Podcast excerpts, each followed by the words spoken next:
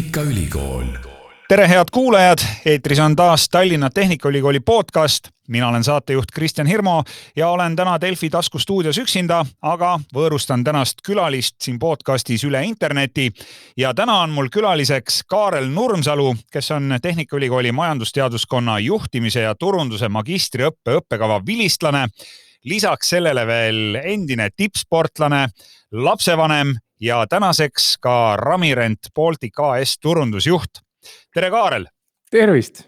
no kiiresti paari sõnaga, kus sa täna hetkel salvestuse ajal viibid, ma tegelikult juba taustainfost tean, et, et sa oled tagasi nii-öelda ülikoolis, oled ülikooli ruumides hetkel.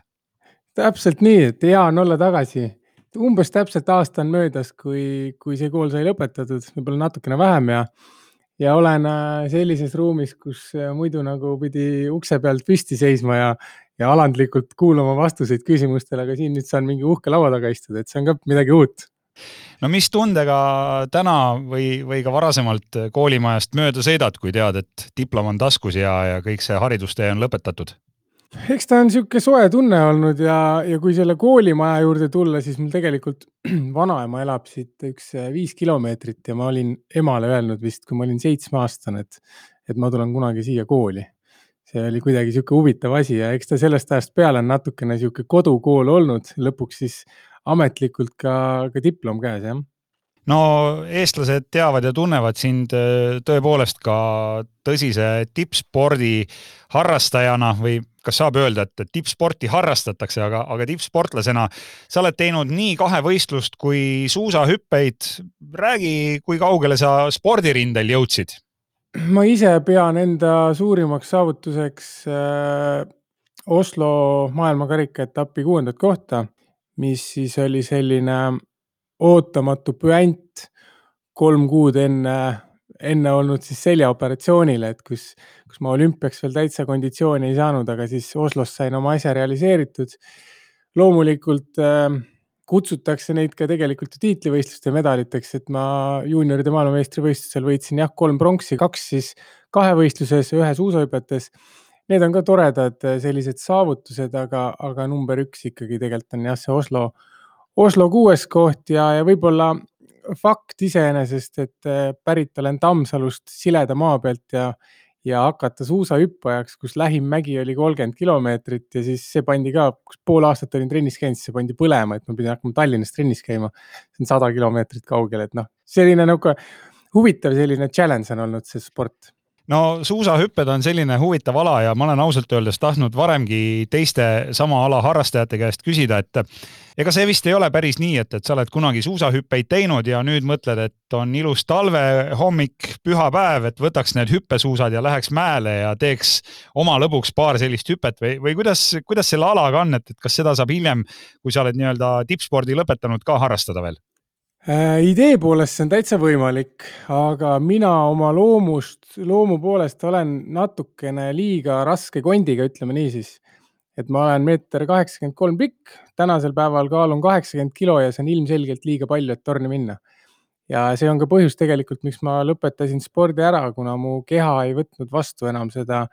seda, seda pidevat nälgimist ja sellepärast mul on keeruline seda teha, aga on inimesi, kes on täiesti sulkkaallased terve elu olnud ja nemad saavad täiesti rahulikult käia hüppemäel, kui nad ainult soovivad no aga ma saan siis aru, et, et ühel hetkel said sa signaali, et, et äh, sa võiksid peale spordi veel millegiga tegeleda ja kas siis tuligi idee minna ülikooli? tegelikult ma käisin kahevõistluse ajal juba bakalaureus'es ka siin äh, Tallinna Tehnikaülikoolis või siis tänases TalTechis ja siis äh, see kuidagi venis mul jube pikali, et ma olin kuus pool aastat olin bakas, aga, aga siis magister oli kuidagi, tundus selline loomulik asjade jätk, kuna, kuna sport jäi kõrvale ja töös oli soov ka karjäär teha, vähemalt sama edukas nii-öelda töötajana karjäär on teha, kui, kui siis spordis, siis eesmärk oli selge, et on vaja koolis ikkagi ennast piisavalt arendada ja, ja bakalaureus tundus liiga vähe selleks ja natukene liiga üldine, ehk siis magistrist natuke spetsialiseerumist juurde. siis kokku kiire arvutus ütleb mulle, et käisid sa Tehnikaülikoolis kaheksa ja pool aastat. kaheksa ja pool aastat no päris, päris pikk periood, aga, aga räägi mulle ja kuulajale ka, et, et me tegelikult juba siin podcast'i alguses mainisime, et, et oled lõpetanud majandusteaduskonnas juhtimise ja turunduse magistriõppe. kuidas sa selle eriala juurde jõudsid või oli see pigem selline juhuslik valik? Mm, no number üks see, et majandusteaduskond, see oli kuidagi nagu selge, sest selline äriline ja, ja võib-olla raha ja siis kogu see, see teema on üsna aktuaalne pidevalt siin kapitalistlikus ühiskonnas ja siis äh, kuidagi mulle on meeldinud ka justkui sihuke inimeste juhtimine ja suhtlemine. turundus on need kaks asja suuresti kokku ja, ja loomulikult ka varasem taust, sest sportlasena ma pidin äh, lõpuaastatel koos isaga siis enda nii-öelda eelarve kokku saama ja, ja see ju tegelikult ongi iseenda turundamine kogu aeg. ja teisalt jälle see, see enda tiimi üleval hoidmine, see on ka see paras majandamine ja, ja ettevõtlus tegelikult. et lõppkokkuvõttes sul on X rahasumma hooaja alguses käes ja sul on vaja sellega hooaja lõpuni jõuda ja, ja kui sealt midagi jääb üle, siis sa oled hästi majandanud ja see on nii justkui nagu noh, hästi tehtud et ja siis need kaks asja nagu kokku saidki, et juhtimine ja turundus ja, ja turundus võib olla ka see, et, et kuna ma inimesena olen võib-olla natukene rohkem äh, isegi meedias ja, ja avalikus ühiskonnas tegutsenud, siis see, see enda turundamine kuidagi üle viia mõnda, mõnda muusse valdkonda, see on ka niisugune omamoodi eesmärk olnud ja tänu sellele siis see eriala valitud sai. nii et sul oli ikkagi mingisugune varasem kogemus juba enne ülikooli astumist olemas antud valdkonnas? Ja, julgen öelda, et ma ikka olin pigem, pigem pisut kogenud, jah kui sa täna mõtled oma õpingute peale tagasi, siis äh, kas äh, sinu õppekava õppeainetest, noh, neid on seal ju päris palju kokku selle kaheksa ja poole aasta jooksul, mis sinu õpingud äh, kokku kestsid. et kas on mõni selline, mida sa täna ka tunned, et noh, see on täpselt see, mida sa oma igapäevatöös või, või reaalses elus saad kasutada? ma pigem nagu võtaksin niipidi, et et see baas, mis, mis nüüd pakast on nii, nii kaua möödas, see on ju väga üldine ja, ja ütleme niimoodi, et sihukest mikro ega makroökonoomi minust ei saa. et need on nagu pigem nagu midagi muud, on ju, et, et aga kui ma mõtlen just magistri õppekava, siis, siis esialgu ma võib-olla natukene olin isegi kuidagi pettunud, sest ikka tahaks pärast kahte aastat midagi nagu kätte jätta või midagi näpu vahele või midagi reaalselt, mingit nagu tegevust või oskust, on ju. aga noh, täna on aasta aega möödas ja täna on selles mõttes hea meel on tõdeda ja, ja tõesti hea meel on selle üle, et, et eh, kõik see, mis siit koolist kaasa sai, need olid nagu sellised, sellised tööriistad ja just eelkõige selles mõttes, et eh, just juhtimise seisukohast eh, ma oskan küsida õigeid asju selleks, et midagi saavutada. et magistriõppes siin juhtimise ja turunduse seisukohalt midagi spetsiifilist tegema ei õpi, aga, aga tööriistad saad teada ja, ja selles mõttes see suur, suurem pilt, et kuidas midagi ellu viia, et, et spetsialistid tulevad teistest kohtadest no ma võin öelda, et olen osaliselt sinu saatuse kaaslane, sellepärast et minu õpingud on veel pooleli ja, ja loodetavasti saan ka vähemalt sama, sama perioodi jooksul siis kunagi oma diplomi taskusse, aga tean omast käest, et ega see lihtne ei ole täiskasvanuna koolis käia, lisaks sellele kas sul nii-öelda kestis ka veel sportlase karjäär, kui sa bakalaureusest alustasid? ja selles mõttes bakalaureuse ma tegingi, alustasin spordi ajal siis ma lõpetasin, lõpetasin baka ära. Äh, minu teada siis oli sport juba läbi, siis ma üks hetk tegin tagasi comeback'i, et ma nüüd siin olen ajaloos ma nii tugev ei ole, et kas ma siis äh, magistri ajal korraks olin äkki sportlane ka või, või siis see langeski sellesse pausi aega mulle, aga, aga üldiselt ja baka ajal ma olin, olin sportlane ja lõpetasin siis, kui ma olin spordi lõpetanud ja no ehe näide on, on need hinded, mis ma siis sain sportlasena versus siis hiljem. et äh, sportlasena pigem olid niimoodi, et oli ikka päris keeruline, kuna mul oli pidevas näljas ka, siis aju ei töötanud väga, siis mingeid hindeid sealt väga oodata ei olnud, aga kui ma sportlaskarjääri lõpetasin ja sain justkui nagu vabamalt õppida, noh siis olid tulemused palju paremad aga ikkagi täiskasvanuna töö, spordi, pere ja kõikide muude asjade kõrvalt ülikoolis käimine see vist ikkagi nõuab sellist väga-väga head aja planeerimist, et kuidas sa sellega hakkama said? no see oli üks, üks kõige keerulisemaid asju tegelikult kogu selle koolis käimise juures, et eks ta kohati sihuke masohisti tunne oli, et,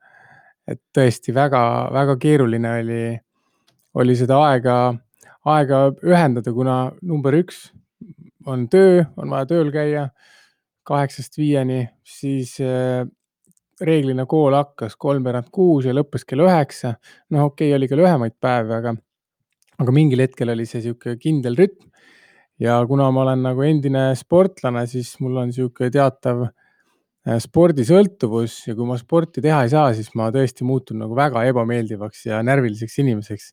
ehk siis ma oma spordi tegin, äh, tegin hommikul kell kuus ärkasin, poole seitsmest trenni, kaheksast tööle noh, ja siis üheksast koju ja siis, siis see asi läks nagu päris,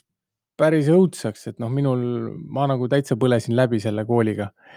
aga, aga mis kõige hullem oli see, et mul väike poeg ütles siin nüüd sügisel, kus siis pool aastat ma koolis ei olnud käinud juba, ütles, et kuule, et issi, ega sa enam kooli ei lähe. ma küsin, miks sa seda küsid? no aga siis sa ei ööbi ju kodus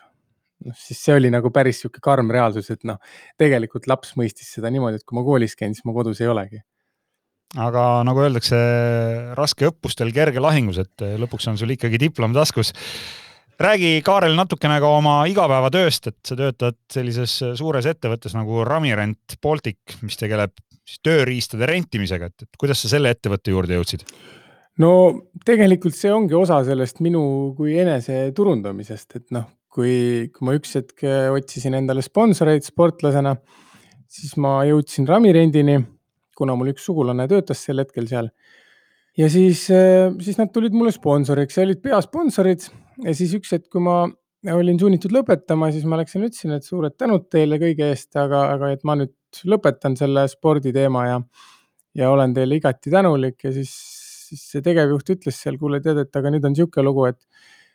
et ennast müüsid meile maha, et nüüd mine müü meid teistele ka maha. ehk et oli, oli nii-öelda müügijuhi koht seal esialgu ja siis esimesed äh, viis pool aastat või, või jah, peaaegu kuus aastat ma olin siis äh,,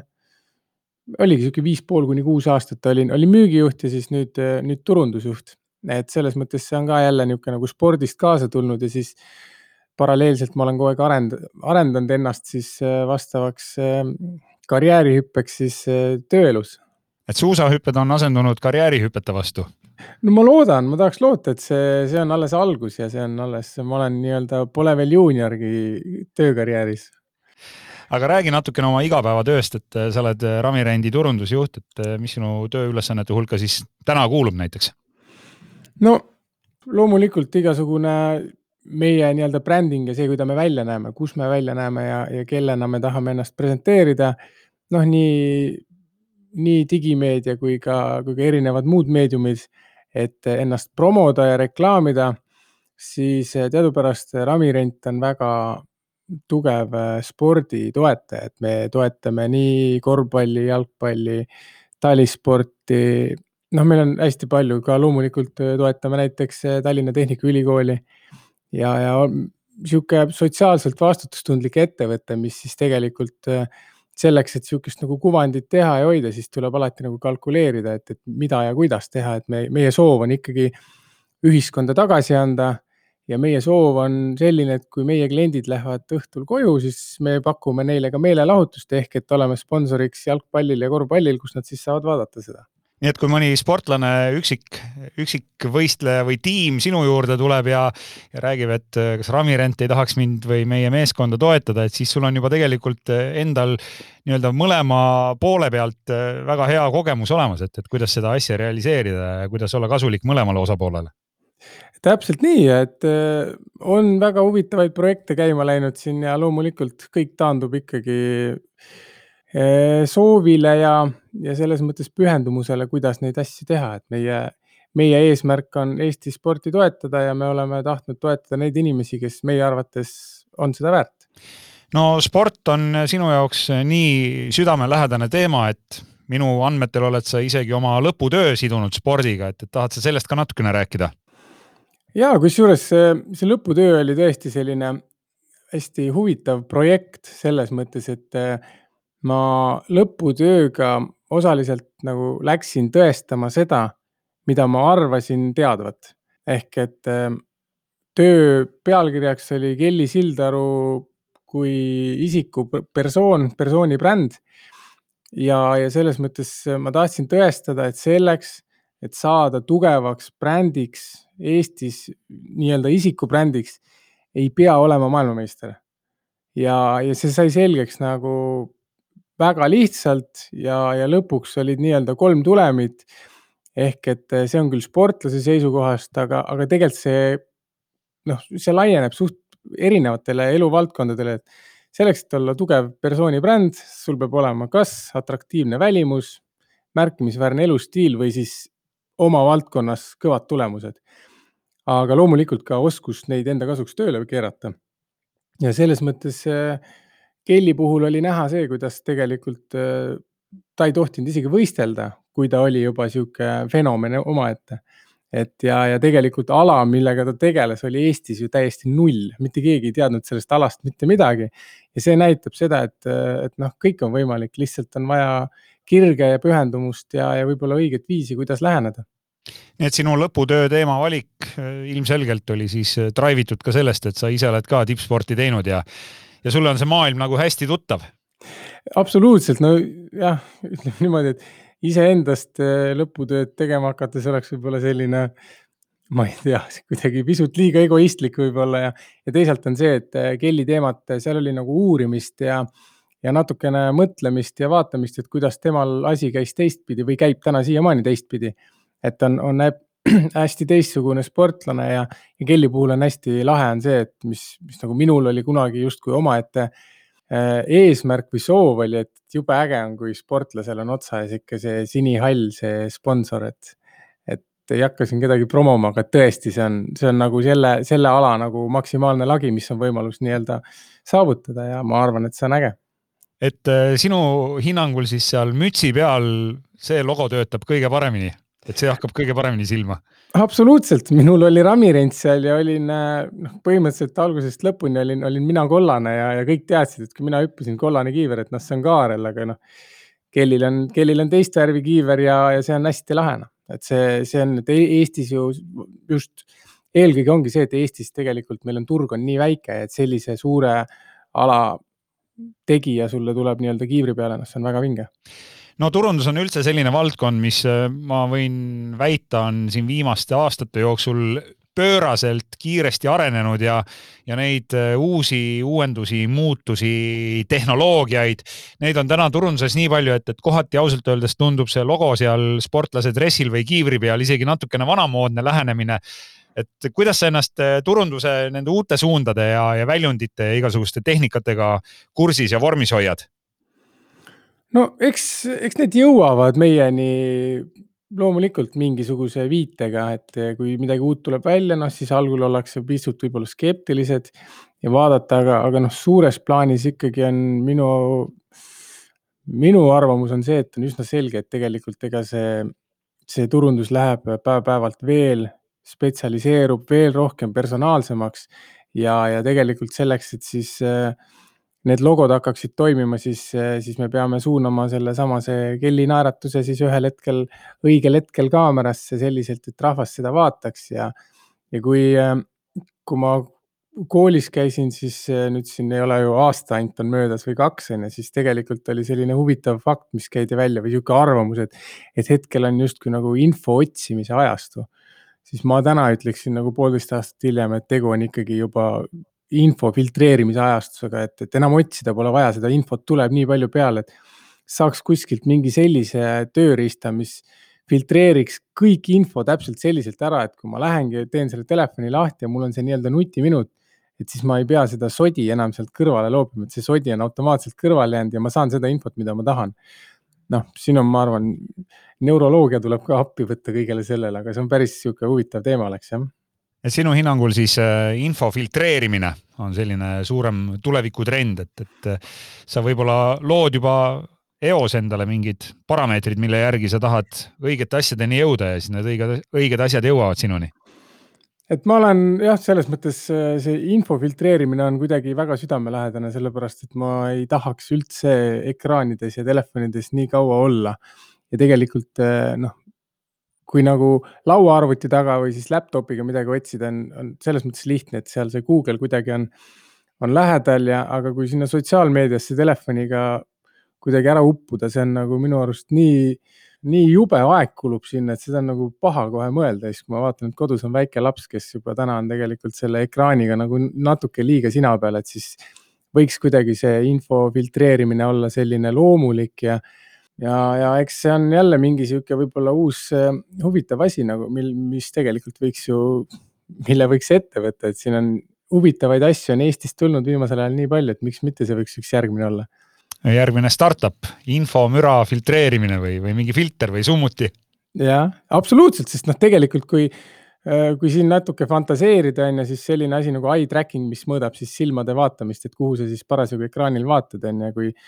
kui sa vaatad seda ekraani ja mingi, mingi koha peal sul kogu aeg silmad üle jooksevad, siis see, see süsteem võiks ju ära talletada seda, et sind ei huvita see teema ja selle edaspidi nagu välja jätta no Tehnikaülikooli podcasti varasemate episoodide kuulajad teavad kindlasti ja ma usun, et äh, see ei ole kellegi jaoks mingi saladus, et ülikool on äh, selline hea platvorm, kust tekib ka palju uusi kontakte ja sidemeid ja suhteid. räägi, kuidas sul oma kooliajast sellega on, et kas, kas on ka selliseid kursuse või koolikaaslasi, kellega suhtled edasi peale kooli lõpetamist ja on äkki mõni, mõni kasulik tehingki sõlmitud? Mm, tegelikult meil on niimoodi, et äh, meil on üks kuue-seitsme liikmeline punt, kes äh, täitsa käime koos ja, ja selles mõttes jäime suhtlema, et ja loomulikult on nendele lisaks veel kontakte, keda me teame, tulevad vastu, siis ikka tšau ja räägid natuke juttu, et ta ei üsna selline kokkuhoidev kursus oli ja, ja me saime nagu päris hästi läbi, et ma arvan, et need kontaktid on,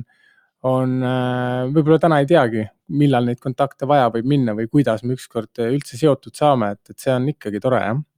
või millal võetakse sinuga ühendust, et kuule, et kuidas ramirendist saaks mingit aparaati rentida soodsama no, hinnaga? jah, no eks see on sihuke jah, seda teemat äh, kasutatakse üsna tihti või, või soovitakse ikkagi, aga, aga noh, eks see, eks me pigem oleme jäänud nagu rohkem selliseks äh, tööväliseks või sihuke muu suhtlus on. Kui sa mõtled nüüd äh, selle peale, et sa peaksid kellelegi soovitama, et, et miks minna ülikooli või, või anda mõni hea, hea näpunäide oma ülikooli õpingutega alustamiseks, siis äh, küsin sult täitsa niimoodi otse, et, et on sul enda näitel ka mõni selline hea oma nipp või soovitus, et, et kuidas alustada kasvõi ka täiskasvanuna või, või töö või mõne muu tegevusvaldkonna kõrvalt, et eh, on sul, on sul äkki mõni hea nipp? no selles mõttes, kui inimesel on ambitsiooni, siis ma arvan, see on täiesti loomulik asjade käik. et, eh, et peab olema soov edasi areneda ja arendada ennast ja kui, kui see soov on olemas, siis tuleb valida ainult see õige eriala, et selles mõttes, eh, mis nüüd nippidesse puutub, noh siis eks see õppimine on keeruline anyway et kui me oleme tõesti, ma olen hommikust õhtuni olen kogu aeg äh, rakkes, siis noh, selge on see, et nädalavahetusel tuleb äh, kooli asjad ära teha, et äh, ühele poole jõuda. ja ma olen võib-olla oma loomust üldse selline natukene mm, ohtlik inimene iseendale, et ma suudan ennast ära lõhkuda nii füüsiliselt kui ka, kui ka mentaalselt, et, et ma parema meelega neid märkusi ei annaks, kuidas nagu ennast puruks õppida. aga, aga selles mõttes tuleb asja võtta nagu äh,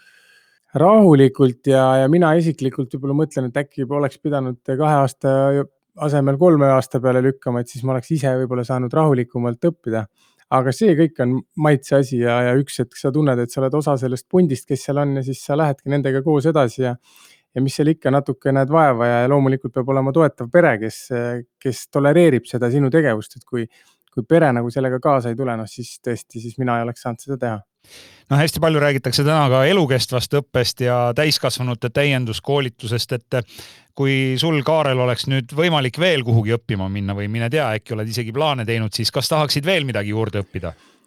noh, kuna ma olen täna pidanud päris palju tegelema igast turundusega seotud teemadel, siis iga, iga kokkulepe või pakkumine või mille sa aktsepteerid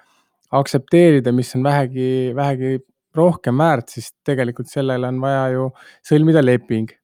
ja, ja kuna ma selle lepinguga täna suht palju seotud olen, erinevate lepingute koostamise ja, ja võib-olla lugemise ja sõlmimisega, siis tegelikult äh, õigusteadus võiks küll olla midagi sellist, mis nagu natukene võiks äh, rohkem sees olla, et loomulikult meil olid siin õigusalased mõned loengud,